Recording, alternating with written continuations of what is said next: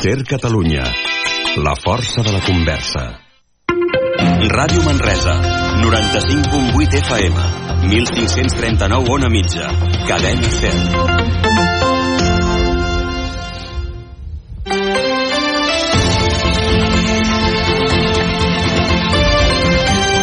Hora L, Catalunya Central. Eli Pagant. Hola, què tal? Molt bon migdia. Passen 5 minuts a les 12. Arrenquem, comencem. 9 hora a la Catalunya Central. Avui som dilluns 12 de febrer. Hores d'ara tenim 12 graus al centre de Manresa, a Sant Domènec, amb força sol. Avui en aquest hora la Catalunya Central ja ho saben que tots els dilluns coneixem en profunditat una persona de casa nostra. Avui hem escollit la Fina Tàpies. Ella, com a feina, com a professió, ella és treballadora social, treballa amb joves, amb joves conflictius, però ella també té una vessant d'actriu i de directora teatral.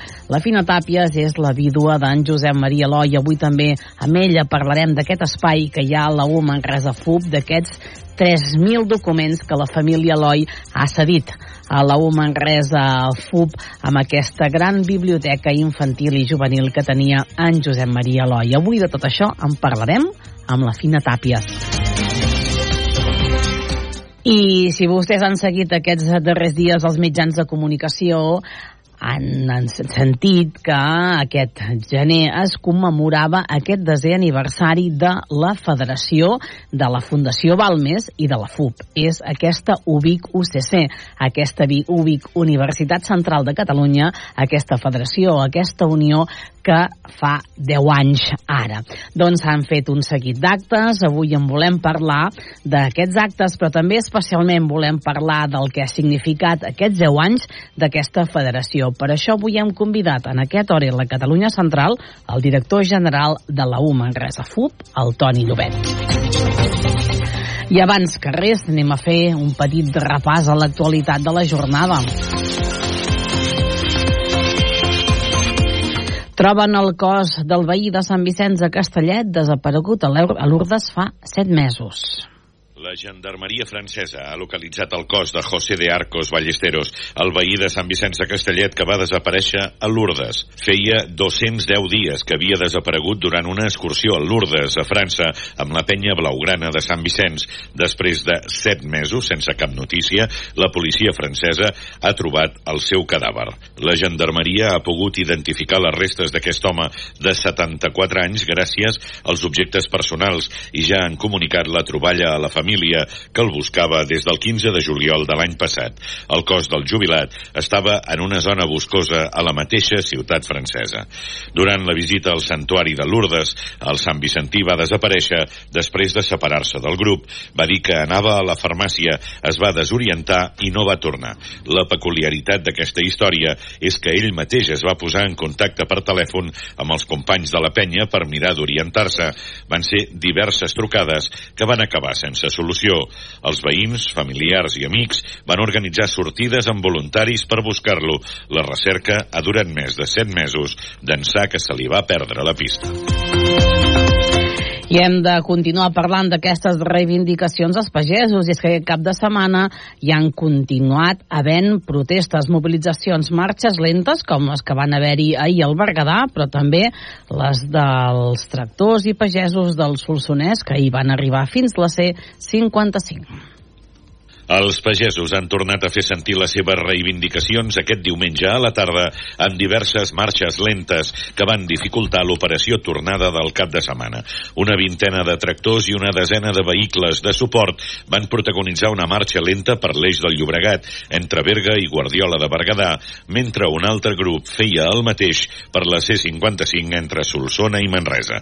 I faré una marxa lenta perquè, perquè veguin que, que seguim actius és una marxa lenta que no seran talls, no volem crear malestar a ningú, és simplement perquè perquè això, doncs, doncs saber estar presents i que no s'encantin i volem els nostres fruits. L'objectiu de la mobilització era demostrar que els pagesos no es conformen en paraules i que continuen en peu de guerra. Nosaltres hem pogut parlar amb, amb tothom, quasi bé, amb la presidenta, el president, amb els partits polítics, eh, tots, tots bones cares, de moment bones paraules, no?, eh, que tenen intenció de canviar, però que volem són els canvis, i com més aviat millor. Mantindran les mobilitzacions fins que hi hagi fets i canvis reals. La idea és continuar fins que el que estem demanant es porti a terme, o sigui, no, no, no, són, no ens quedem parats ara, no. Hem fet molta feina ara anant a Barcelona, parlant amb tothom amb què havíem d'estar, hem fet un, un esforç molt gran, però, però no pararem, no pararem. A dos quarts de sis de la tarda, el comboi de tractors i vehicles de suport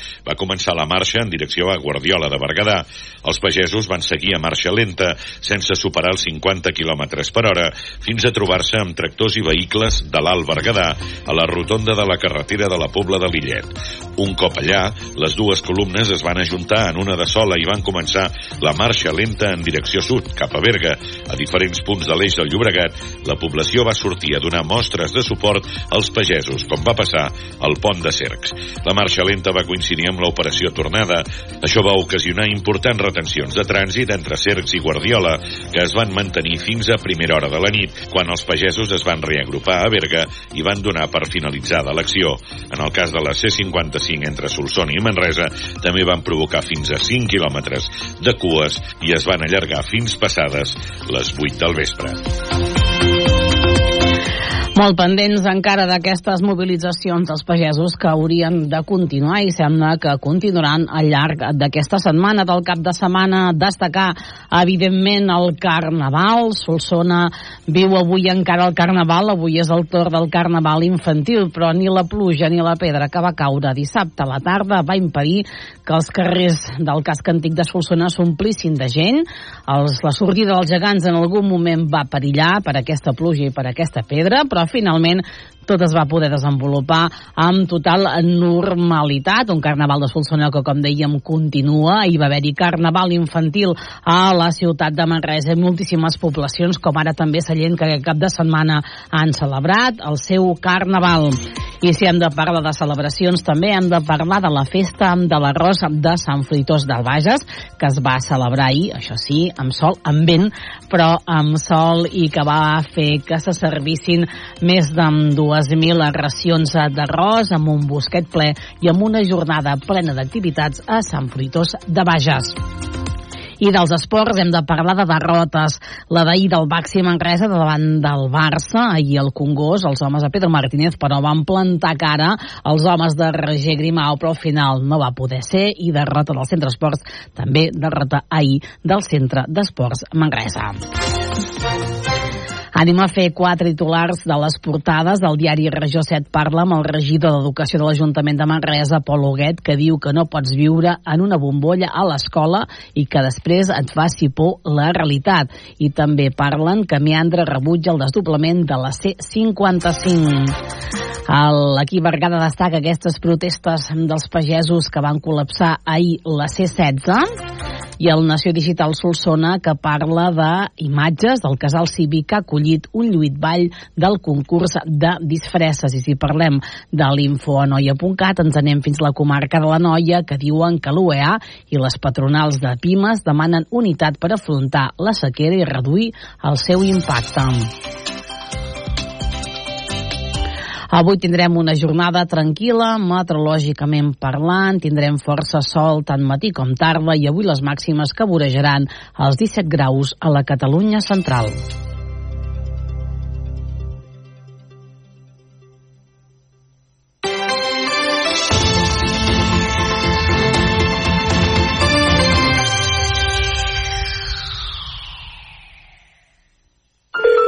Papa, papa, escolta. Haig de dir-te una cosa important. Digue'm, filla. Estic embarassada. El teu primer net, papà. Filla, és una notícia meravellosa. Audiocàlia. No et perdis les grans notícies que dona la vida. A Solsona, pare Claret 6. I a Manresa, carrer Àngel Guimarà 17. Hora L, Catalunya Central. Eli Pagant.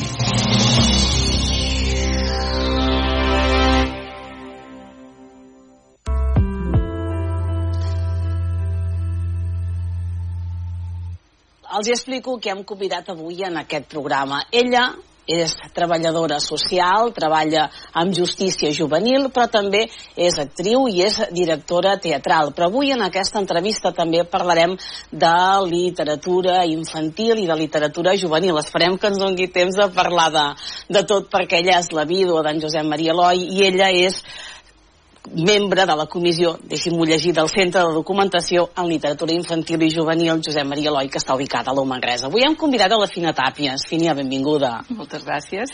Gràcies per... Intentarem parlar d'aquestes tres potes de, de, de la Fina manresana. Sí. D'on? Sí. On vas néixer, Fina? Jo vaig néixer a Manresa i eh, vivíem amb... Vi, bueno, la mare encara hi viu, a la casa, al carrer Alcalde Armengou que és, sí. la mare tenia una botiga, crec. La mare tenia una botiga de comestibles, correcte. El pare feia de bomber i la mare, doncs, eh, portava una botiga. I de, dels meus germans sóc jo la que la recordo, perquè fins als, va estar oberta fins que jo vaig tenir 4 anys. I els meus germans són més petits d'aquesta edat, per tant, jo sóc la que tinc records d'aquella botiga preciosa de comestibles, d'aquelles botigues d'abans que feien aquell servei als barris, perquè tant era carnisseria com era fruiteria, com era una mica de colmado, eh? de, que, que deien abans, i sí, és, és molt entranyable el record no sé que tinc. queden a la ciutat d'aquestes botigues, ja no deu quedar res, eh? que deu quedar... Jo crec que així, eh, de, amb aquest pack tan complet, jo creuria que no creuria que no, perquè una botiga d'estètica semblant seria el Comallonga, uh -huh. d'aquí al barri antic, sí. però no té tanta varietat de... Per exemple, no té carnisseria o no té... Però seria una botiga semblant, en el nostre cas un pèl més gran, però amb aquell tipus de prestatgeries i de taulell. Uh, Fina, on, com eres de, de petita? Com Clar, jo no sé si amb tantes coses vessants, jo vull parlar de moltes coses, però avui la Fina ja era una nena, una noia molt inquieta. Jo era inquieta i quieta, diríem. Ah. És a dir, m'agradava molt l'activitat reposada. Molt, molt, molt maldestra amb temes d'esport de, de, i, i, i qüestions físiques, eh? És a dir, jo, jo patia amb els plínctons i els potos. Oh, sí. I... Sort, sort que els han eliminat, eh, crec jo. És d'allò sí? artefactes. És a dir, però sí que, que sempre feia ballar el cigronet. O sigui, la mare sempre em deia que era aquell, aquell constant... Eh, no? Eh, fer, jo crec que dirigir escenes ja, amb les nines i... i i, i molt de, doncs això, de, de fer coses amb les mans, de retallar, de dibuixar, m'agradava molt dibuixar de petita, i per tant era això, era quieta i inquieta, però no a nivell físic, sinó més de, de fer voltar el, el cigronet. Clar, i ara que parlaves de dirigir a les, a les nines, aquesta vessant teatral, quan, quan surt? Quan, quan, quan, quan li surt a la, a Mira, la fina? Per, per inconsciència absoluta la vaig començar a fer a la Salle. Jo vaig començar allà, sí, a l'escola, per tant estem parlant de, eh, després de vuitè, o sigui, ja quan vam començar, el, perquè jo vaig anar a l'Ave Maria de petita, ja vaig fer una petita incursió al teatre amb l'Àngels Torrents, amb uns pastorets a les germanetes dels pobres, com a actriu, en aquell moment, i quan vaig passar a la Salle, que va ser quan vaig començar a fer teatre, doncs es va plantejar la possibilitat de fer un grup perquè hi havia una mostra escolar.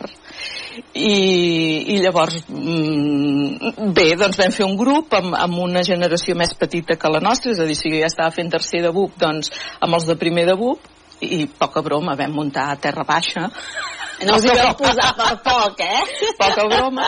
I, i va ser allà eh, on va sortir aquesta espurna i me'n recordo perquè a més a més va ser una mostra escolar que hi participava el Paidos i que l'actor Jordi Figueres era l'actor del Paides, del Paidos, o sigui que aquestes sinèrcies amb gent del món, doncs clar, ja venen de lluny perquè vam anar començant tots a, a mostrar-nos d'alguna manera. A mi m'han explicat Evita. Ah. Clar, musical Evita, m'han dit que l'Evita va sortir pel balcó de l'Ajuntament la, de, de Manresa. Sí, sí. Home, no us hi posàveu per poc, eh, realment? Qui t'ho ha dit no ha dit mentida.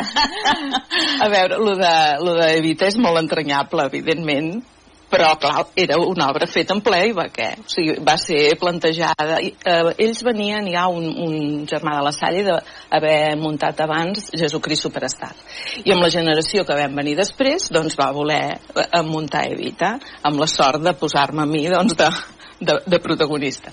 I llavors, doncs, jo allà el que vaig descobrir és que, sense cantar en directe, perquè, insisteixo, era un muntatge doncs, en playback, vaig descobrir que, que podia interpretar és a dir, que em podia emocionar, que podia, que podia transmetre coses des d'un personatge i per això li tinc aquest carinyo especial i el del balcó, imagina't és que clar, jo ja l'escena del balcó de la Casa Rosada ja, ja és per plorar, no? ja és emocionant però imagina't situar-te allà dius, no sé uh, a més a més era uh, per la festa major per tant plaça Major plena.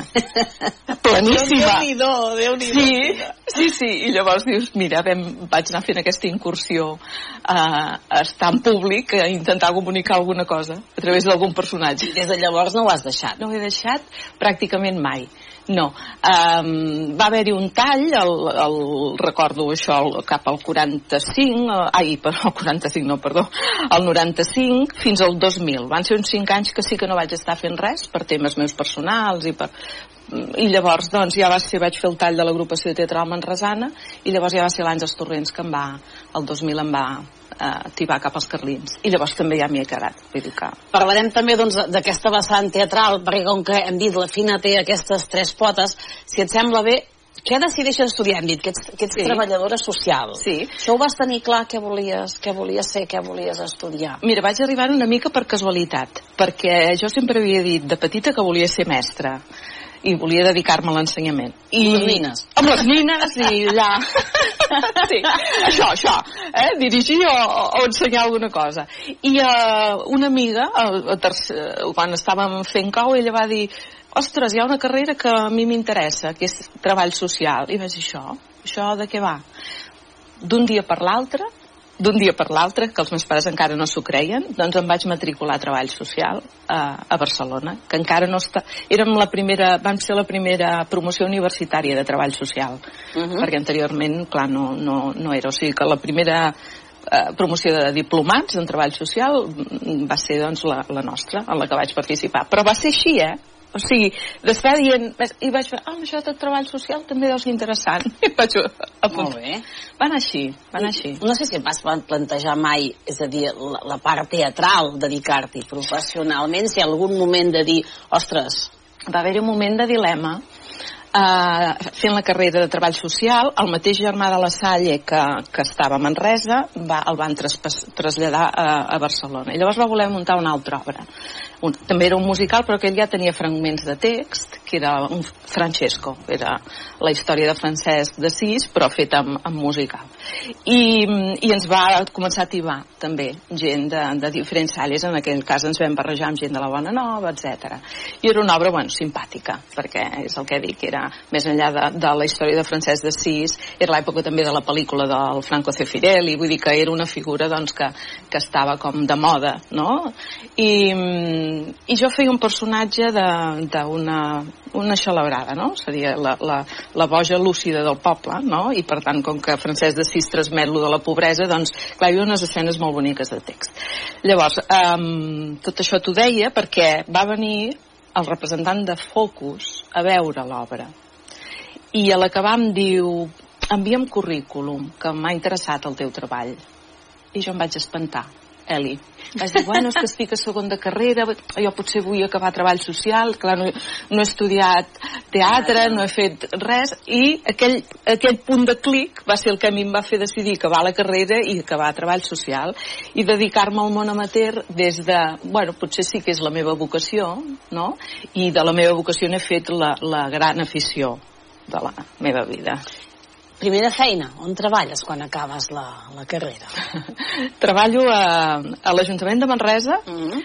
va ser acabar i començar eh, fent una substitució de la Montse Mestres, poca broma, eh, per la baixa de maternitat de la Montse Mestres i vaig entrar allà amb aquest interin, més que interinatge va ser plaça de substitució i després al retorn de la Montse doncs ja vaig estar fent un interinatge a l'Ajuntament em trec la, la plaça de, de funcionària i en aquell moment ja havia conegut en Josep Maria, ell estava fent la feina justícia, uh mhm. -huh. estava fent d'educador de, eh, en medi obert, de justícia juvenil, i eh, amb ell li proposen de passar a coordinador i jo vaig pensar, ostres, m'encanta aquesta feina més amb els joves, uh -huh. aquesta, en aquesta edat de construcció més que potser el treball social de, més de despatx i de, uh -huh. de famílies no? bueno, la qüestió que sense haver passat el temps de... la Montse Mestres encara em renya ara quan em veu, perquè havent aconseguit la plaça mm, Fixa. fixa, no feia els dos anys perquè jo pogués demanar una excedència. I per tant vaig perdre la plaça de funcionària per anar-me'n a justícia. I recordo ben bé la conversa quan li deia, bueno, sóc jove, em puc equivocar, tinc 21 anys, eh, ja està, vull dir, tiro per aquí coses d'aquestes de, de la vida, eh? Van ser- t'ha anat prou bé, eh? Vull dir, anat molt bé. Les decisions han sigut Sí, ha encertades. estat allò de dir, mira, seguir la intuïció i tirar per aquí. I ara, és clar, evidentment, imagina't, vaig entrar a justícia el 88 i fins ara.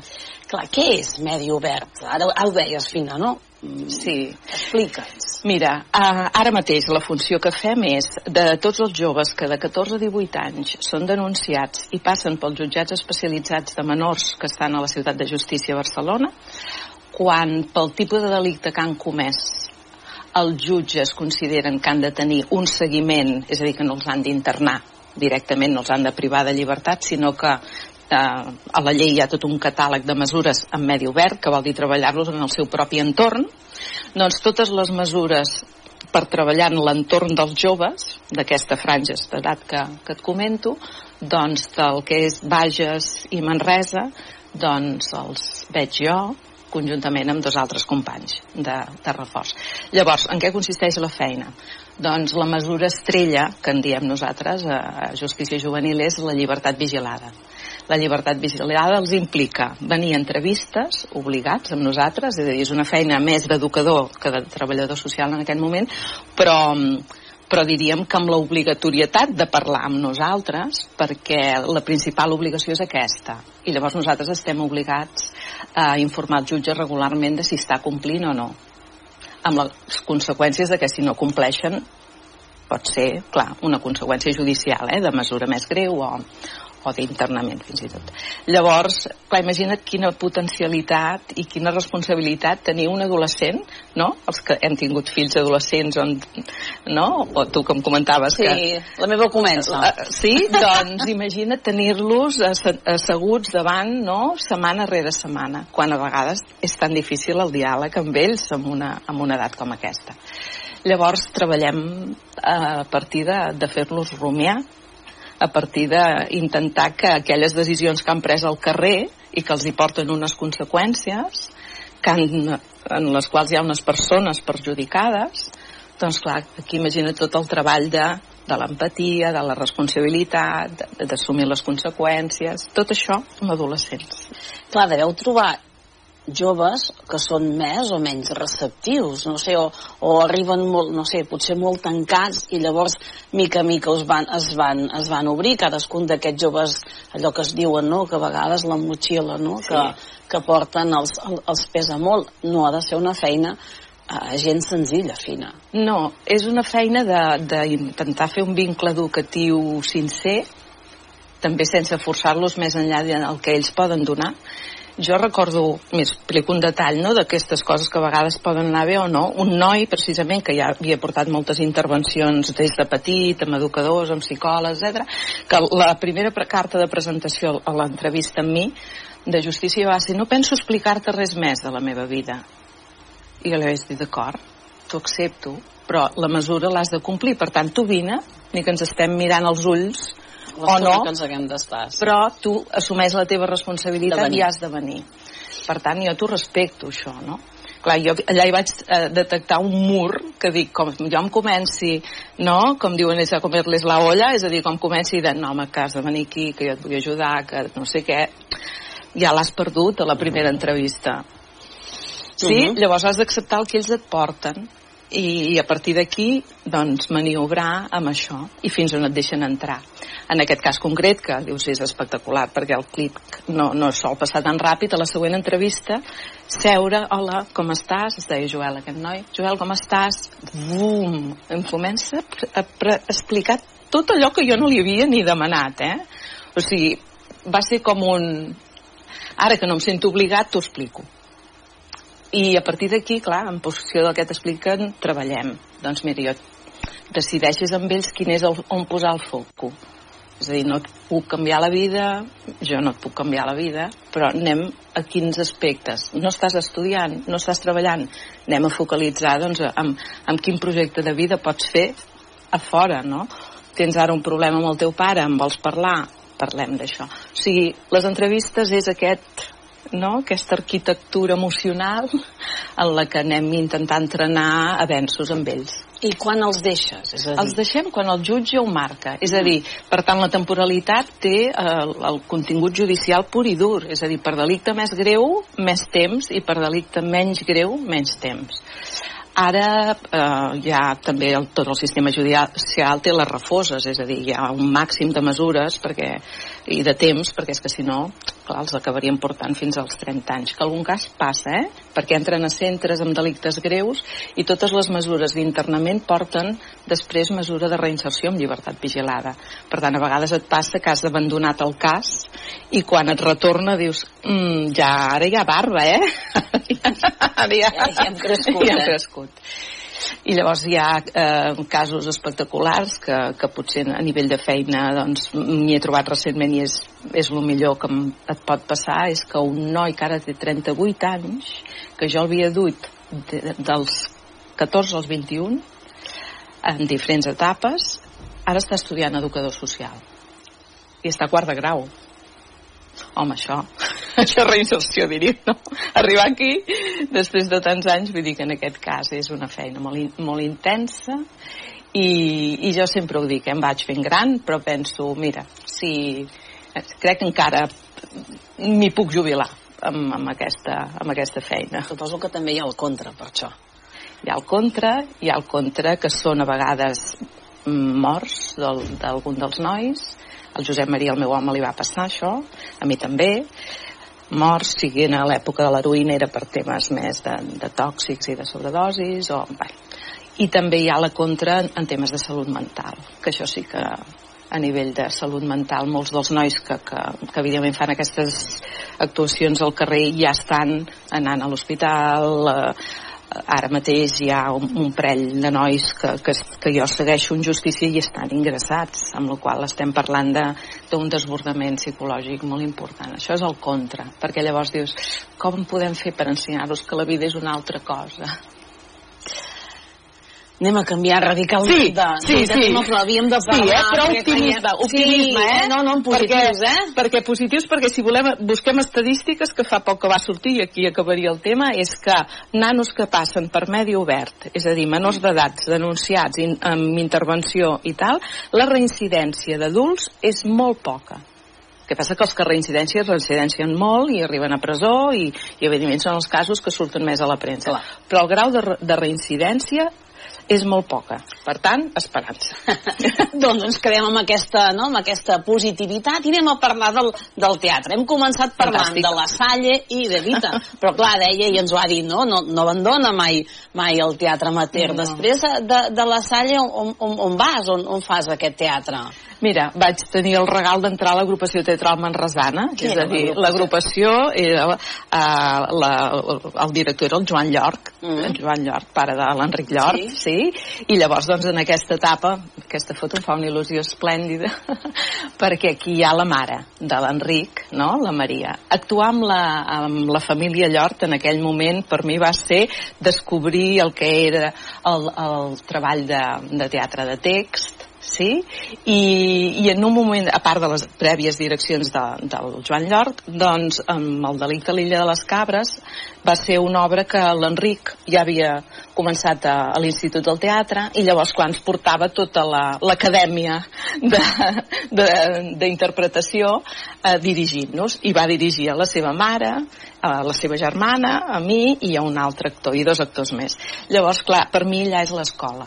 És, és aquesta escola tant des de la part de direcció per, pel Joan i pel, i per l'Enric però sobretot per actuar a l'escenari amb la mare. O sigui, la Maria em va, em va padrinar llavors era una actriu absolutament generosa, intuïtiva i meravellosa. Era a l'escenari, ho omplia tot.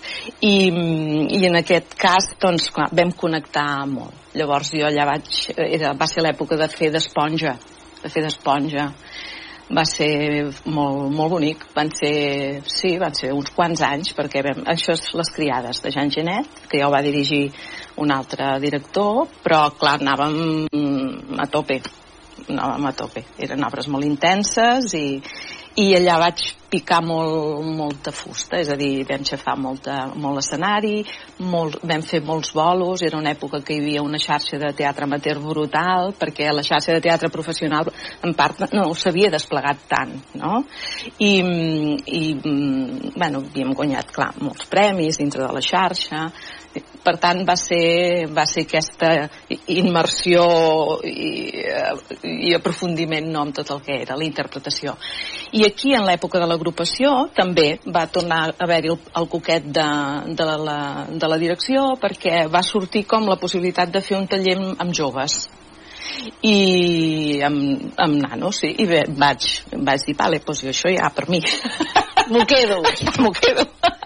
I, i bé, doncs llavors vaig portar també uns anys dintre el marc de l'agrupació uns tallers que no vam anar a fer bolos era més doncs un funcionament de, de taller però també vam fer coses molt, molt simpàtiques i molt, molt entranyables. N'hi ha una també emotiva, eh? Mira, em fas anar perquè em fas el recorregut mental.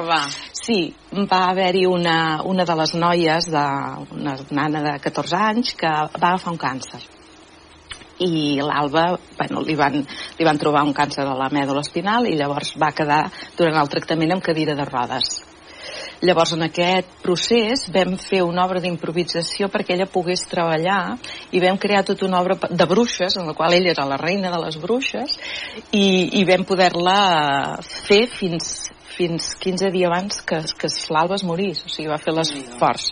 Llavors, és a més a més, a partir de l'experiència, ah, l'Enric Larreula, i aquí hi ha la vinculació amb el meu home, que sempre anàvem teixint i a partir d'un moment sinèrgies, va escriure una obra una, una, un dietari que està publicat a la galera, eh, dintre mm. de les col·leccions de narrativa, que es diu Alba, i, i parla d'això, d'aquest procés de convalescència de l'Alba, a partir d'un dietari, i, i bé, i, i això, vull dir, era altre, altre cop com, com unir un, i en aquest cas unir també eh, hi ha moltes sinèrcies amb el Josep Maria, el meu, el meu marit.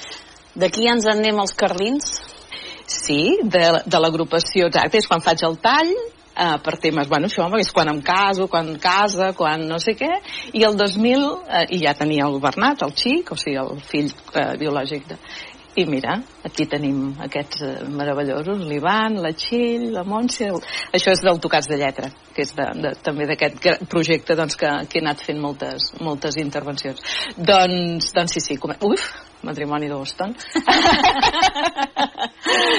sí, sí, començo a partir del que comentava abans, l'Àngels Torrents, doncs, l'Àngels, sí? L'Àngels Torrents, sí. que havia estat profe meva a l'Ave Maria, o sigui que sempre eh, les, és el que dic, les, les, anades i, les anades i retorns de les persones i ella volia dirigir els Carlins una obra, que era la iaia i llavors em va, em va ativar cap, a, cap allà i llavors ja eh, els Carlins eh, és meravellós perquè he pogut fer de tot, d'actriu, de direcció. també, eh? Tres anys.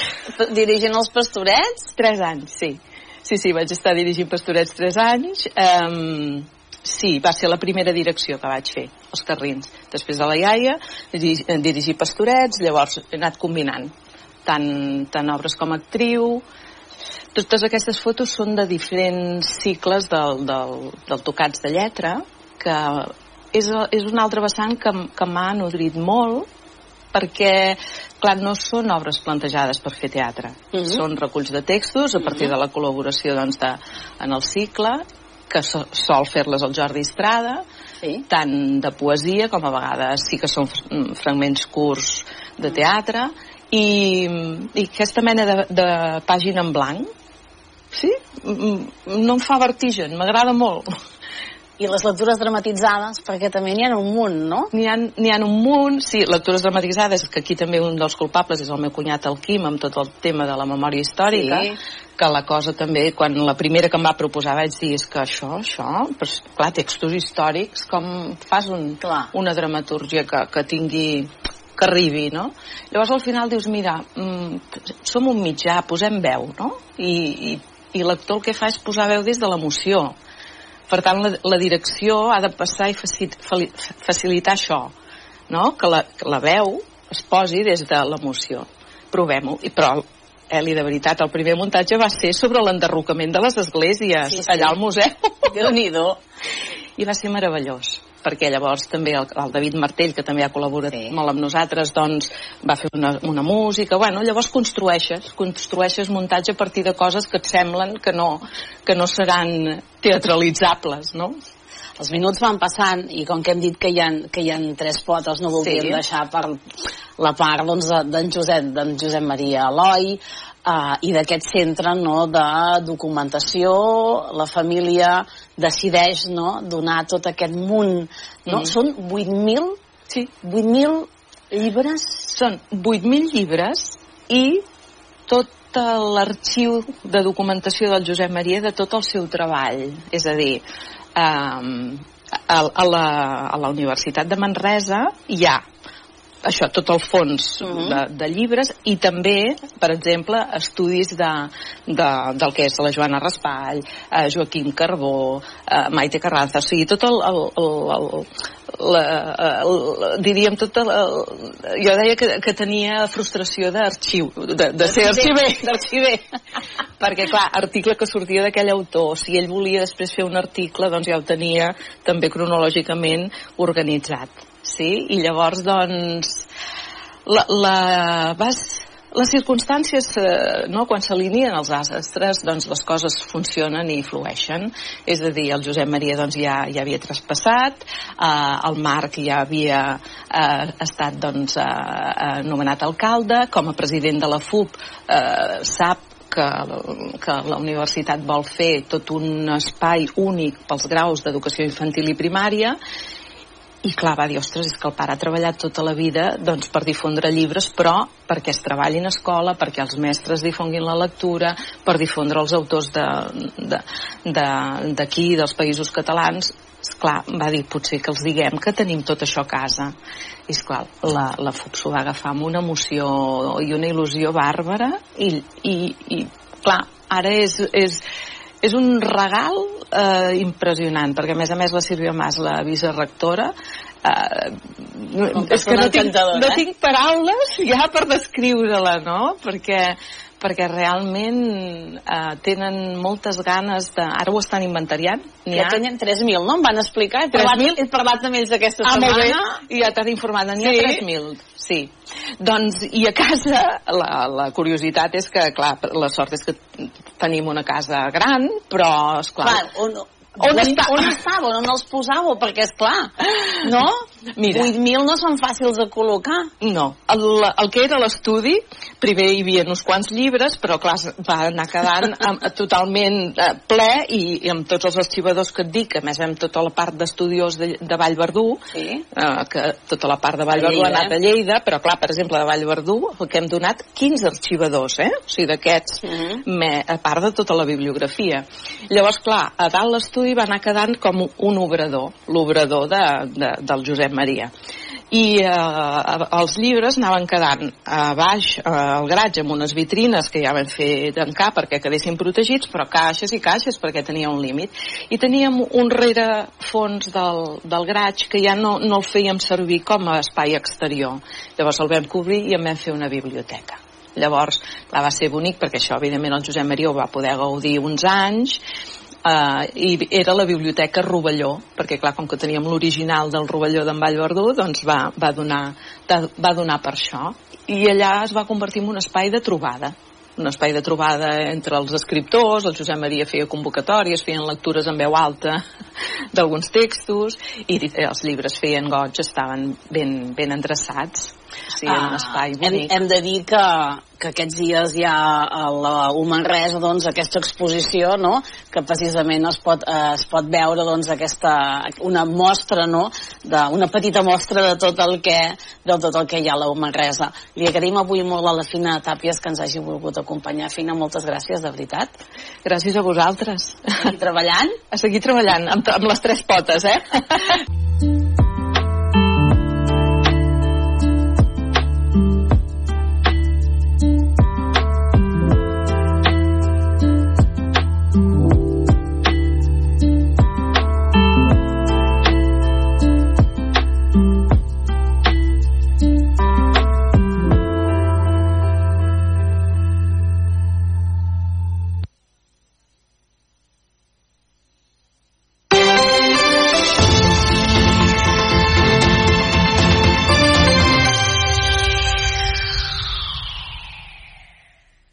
Transforma la teva llar amb les rebaixes d'Equívoc. Estàs pensant en realitzar un canvi a la teva llar? Les rebaixes d'Equívoc han arribat per fer realitat els teus somnis i crear una llar amb estil. Gaudeix de la qualitat de sempre a preu de rebaixes. Fins al 29 de febrer aconsegueix 100 euros de descompte per cada 1.500 euros de compra, sense límit. Com més transformis la teva llar amb nosaltres, més estalvies. T'esperem a la nostra botiga al carrer Prudenci Comelles 24 de Manresa. Per fi, rebaixes. Per fi, a casa. Per fi, Quívoc. Tens entre 16 i 29 anys? Forma't pel futur amb Bages Jove Inserlab 4.0. Disseny 3D, màrqueting, mecànica. Informa't-en a inserció arroba ampans.cat o al 629 145 235. Aquesta actuació està promoguda i impulsada pel Servei Públic d'Ocupació de Catalunya amb fons rebuts del Servei Públic d'Ocupació Estatal, el CEPE. Hora L, Catalunya Central. Eli Pagant.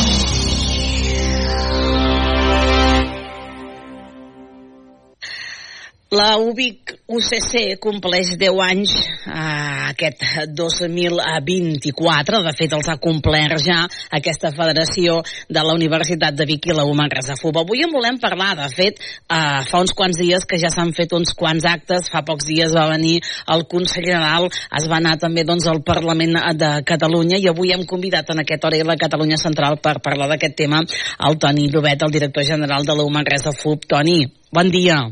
Hola, molt bon dia.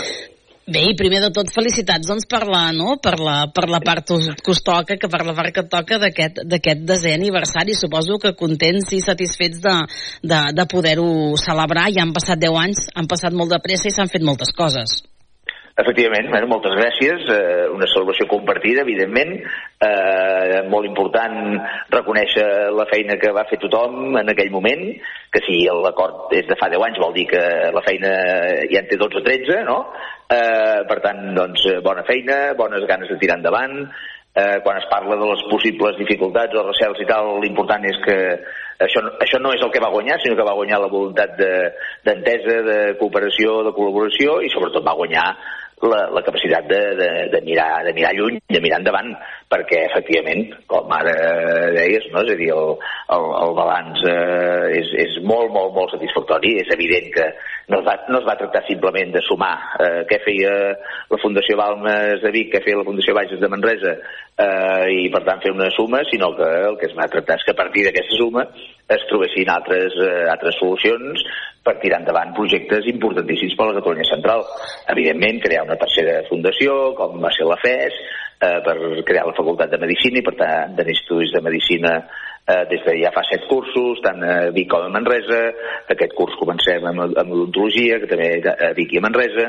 Eh, per tant, bé, és evident que això ha estat eh, molt més que la suma del que hi havia anteriorment. Eh, I, evidentment, a partir d'aquí, doncs, tots plegats hem aconseguit doncs, que la musculatura fos suficient com per poder tenir eh, una dimensió com les altres universitats mitjanes eh, dels diversos territoris del país, que puguem tenir, per tant, eh, tot, a, tot el creixement de recerca, transferència de coneixement, eh, que puguem aparèixer als rànquings internacionals. Bé, és, a partir d'ara ja tenim una dimensió d'una universitat que som en el mapa tant del país com, com internacionalment i, per tant, doncs, molt satisfets. Eh, la, la quarta pota de l'ISABA fa que, tot i ser una universitat de la Catalunya Central, també som presents a Barcelona, qüestió que estratègicament també és molt important. Eh, per tant, molt, molt, molt satisfets, però sobretot satisfets perquè tenim clar que, que ens queda molta feina per fer, que, que ara celebrem els 10 anys, però que no ens quedem en la nostàlgia, sinó amb ganes de, de seguir avançant, que hi ha molta feina per fer.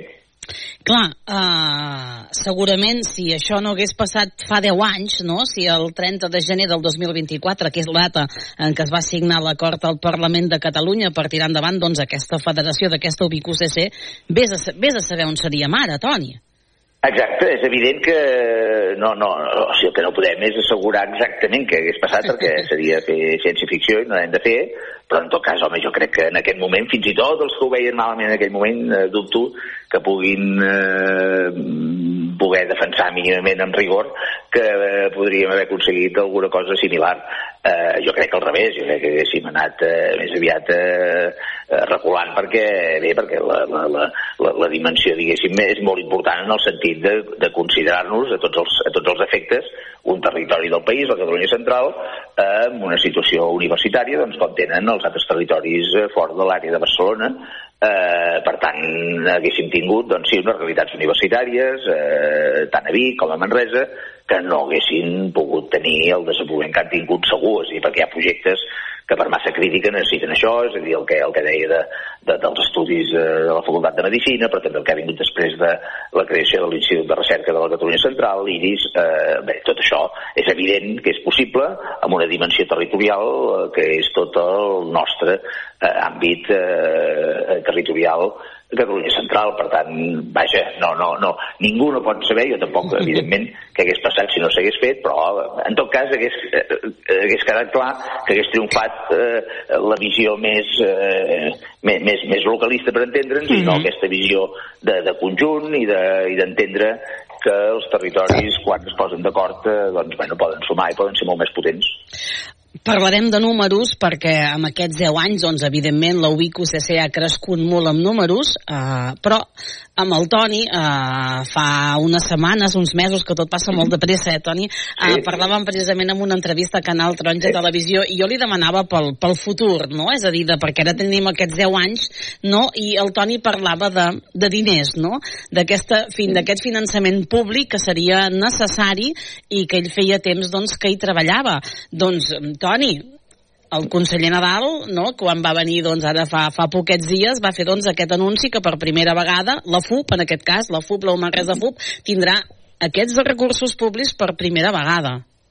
Sí, sí, home, evidentment va ser un, un anunci molt, molt important, eh, molt celebrat per part nostra, eh, que evidentment s'ha estat treballant ja durant tots els darrers mesos, eh, s'ha estat treballant evidentment amb el govern eh, i la conselleria, no, el conseller Nadal, però que evidentment vol dir que s'ha treballat eh, prèviament a nivell de, intern de la UBIC-UCC, eh, sobretot de les dues fundacions, de la Balmes i la Bages, eh, vull dir, per tant, és, és, és un tema que efectivament eh, respon al que ja vaig expressar públicament, eh, també en aquesta entrevista que em comentes, no? eh, d'entendre que això, que, que una mica el que deia abans, no? és a dir, si la universitat globalment és la universitat eh, pròpia del territori del Catalunya Central, eh, té ja la dimensió que tenen les universitats de Lleida, de Tarragona, Reus i la de Girona, en aquests, en aquests tres casos, universitats directament del govern, per tant, de tot finançament públic, eh, doncs és evident que la nostra, que no és pública, que no és del govern, però que té una inspiració de servei públic eh, perquè és d'inspiració municipalista, perquè tant a Vic com a Manresa les fundacions les presideixen els ajuntaments respectius, les alcaldies, eh, doncs bé, aquest finançament eh, era important que també arribés eh, a la pota de Manresa no, de, la, de la universitat. I per tant eh, bueno, estem ja això rebent l'anunci del primer pas important en aquest sentit i que evidentment doncs, eh, haurà d'anar tenint continuïtat eh, i sí, sí, efectivament és una bona notícia. No tant només eh, que evidentment ho és, eh, però no tant només per la quantitat i les quantitats que puguin anar venint, sinó pel concepte. Eh? És important aquest reconeixement públic eh, pel que suposa pel que suposa el conjunt de la ubicació de la Catalunya Central i pel que suposa concretament eh, un Manresa, la Fundació Universitària del Bages, eh, en el nostre cas. Eh, clar, perquè vol dir que tot el que s'ha fet fins ara, no, aquests diners no eren públics, és a dir, no hi havia hagut mai aquest, aquest finançament eh, públic, eh, en aquest cas a Manresa, eh, a casa nostra, a la universitat, a la FUP. Efectivament, en, aquest, en el cas eh, de, de la Fundació Universitària del Bages, per tant del campus Manresa, eh, eh, tot el finançament era fruit del que aporten eh, les persones, no? els estudiants, les seves famílies, eh, per les matrícules per estudiar amb nosaltres. Eh, per tant, sí, sí, efectivament, ara el que afegim, eh, doncs, i amb voluntat d'anar creixent, és aquesta pota també de finançament directament del govern, doncs, eh, per això, perquè som un territori que, evidentment, eh, és important que, per qüestió de justícia, doncs, el govern tingui aquesta, aquest, ofereixi aquest suport eh, per aconseguir les millors condicions possibles al nostre projecte universitari. Això ens fa més potents també, és a dir, ens equipara, per exemple, eh, en aquest cas a la Fundació Val, més que, que, que per que està a la UBIC UCC, per exemple, ens equipara amb ells en aquest sentit. Bé, eh, eh, no, per això et dic que això és un treball que evidentment estem fent conjuntament. Eh, eh, lògicament el conveni programa és un conveni programa, un acord del govern amb la universitat que ja existia abans de la federació de fa 10 anys, per tant la Universitat de Vic, eh, per tant eh, no, la, la Fundació Universitària Balmes, eh, com a titular de la Universitat de Vic ja tenia un acord eh, econòmic amb el govern i per tant és evident que, que, que, que és normal que vagin tenint aquesta continuïtat, que a més a més any a any eh, creixin els recursos que van destinats estrictament al, eh, a la seva fundació i per tant al Campus Vic, eh, però evidentment després d'aquests anys ja de treball en comú, de ser ja una universitat de tot el territori de la Catalunya Central, doncs per això calia aquest acord per poder eh, afegir també el nostre campus, el campus de Manresa i per tant el que gestionem des de la Fundació Universitària del Bages eh, la possibilitat d'aquest reconeixement també de suport econòmic públic. Uh, parlem de més números, en aquest cas ara no seran els econòmics, però sí que, Toni, amb, amb aquests 10 anys els, número, els números de, de la UBIC UCC han crescut moltíssim, han crescut en, no, en número d'alumnes, en número de professors, en tot. Sí, sí, molt. És a dir, per això et dic que és important, perquè això sí que ens situa en les dimensions que quan parlem del mapa universitari eh, català, doncs efectivament eh, sortim amb això, amb, amb, una, amb una dimensió molt equiparable a les altres territorials i altres universitats del país. Eh? Amb, amb, semblant, diguéssim, a, la, si accentuem les tres grans universitats, no? Eh, per tant, doncs, això és molt important i per tant ara parlem això no, de, de, nombre d'estudiants doncs, que en aquest, en aquest moment el conjunt de la BICUCC aquest curs té cap, cap als 12.700 estudiants d'estudis eh, oficials. Eh, bueno, això vol dir això que, que som propers doncs, a, la, a Tarragona Reus, a Girona, fins i tot més que la de Lleida, per tant ja, ja aquest, en, aquesta, en aquestes dimensions i efectivament doncs això, el nombre de professorat doncs, en, eh, en pocs anys eh, s'ha doblat, eh, eh, s'ha multiplicat per 9 per 10 eh, els diners de, en convocatòries competitives, bé, per tant és evident que és molt important eh, valorar el que ha suposat aquests 10 anys, perquè és això, és dir, els números són molt evidents, però més enllà dels números, el mateix que dèiem amb el tema econòmic, eh, més enllà dels números és important veure qualitativament què suposa. I suposa doncs, que estem ben situats, que tenim estudis eh, de la Facultat de Medicina que haguessin estat impensables i que per tant això ens posiciona perquè els propers anys eh, puguem seguir fent salts endavant. Clar, uh, ara han arribat aquests, uh, aquests diners, no? Arribaran, eh? Aquest, aquest anunci sí, d'aquest finançament, d'aquest finançament públic. Uh, el futur, Toni, per on passa? Per on mira el futur de l'UBIC UCC? Mm, bé, el futur una mica és, és, el que, és el que diem ara que fem balanç, no? És a dir, el futur passa per intentar que aquestes passes que hem fet durant 10 anys les continuem fent els propers 10 anys eh, i molt més, però de moment si, passem, si parlem de 10 en 10, no? i per tant és evident que això vol dir que ens ha de situar encara amb més potència, és a dir, que eh, a mesura que vagi creixent encara a nivell de tota la universitat, doncs aquest suport públic, per exemple, doncs eh, això ens farà més competitius i per tant ens farà poder arribar més lluny. Eh, els estudis que deia de la Facultat de Medicina, doncs eh, el, el curs passat eh, hi va haver la primera graduació, aquest, aquest hi haurà la segona, però és que odontologia, audiologia general són estudis que, que comencen aquest curs i per tant tenen un llarg recorregut. Eh, a l'ISABA, encara el curs que ve, no? eh, ja s'incorporaran els alumnes de quart, per tant ja tots el, els alumnes de les seves titulacions eh, seran plenament alumnes ja UBIC UCC. Eh, per tant, doncs, aquest creixement intern eh, aquests propers anys continuarà, continuarà sent una realitat. I després, jo crec que eh, tota aquesta preparació, tot aquest bagatge, tota aquesta musculatura que hem adquirit i tot aquest suport també de, de part del govern del país ens permetrà afrontar bé el que d'aquí tres anys començarà, que és un, un cicle demogràfic diferent, és a dir, ara portem molts anys que tot el sistema universitari del país, en què estem acostumats que cada curs el nombre de joves en edat de fer estudis superiors era superior als que havien nascut el curs anterior. Això passarà a la inversa d'aquí poc i per tant jo crec que ens trobarà preparats per donar resposta a aquesta situació i per tant això doncs, vol dir la, la capacitat d'oferir si convé noves titulacions, de ser prou atractius perquè la gent eh, vulgui continuar estudiant en el nostre territori fins i tot que entén gent de, de, de, de, de, l'entorn i de més enllà. Bé, eh, és tot això, és a dir, hem de veure com, com seguim creixent, però també com afrontem aquesta nova realitat demogràfica. Doncs aquest és el futur, no? Aquest, aquest, fer, aquest front que ens explicava doncs, ara el Toni Dobet, a qui li agraïm que avui ens hagi volgut acompanyar en aquest hora a Catalunya Central. Toni, continua treballant? Perfecte, i tant. que vagi tot molt bé. Fins la propera. Moltíssimes Adéu-siau. gràcies. Fins la propera. Acabem, tornem demà, com sempre, quan passin uns minutets de les 12 del migdia. Fins demà. Adéu-siau.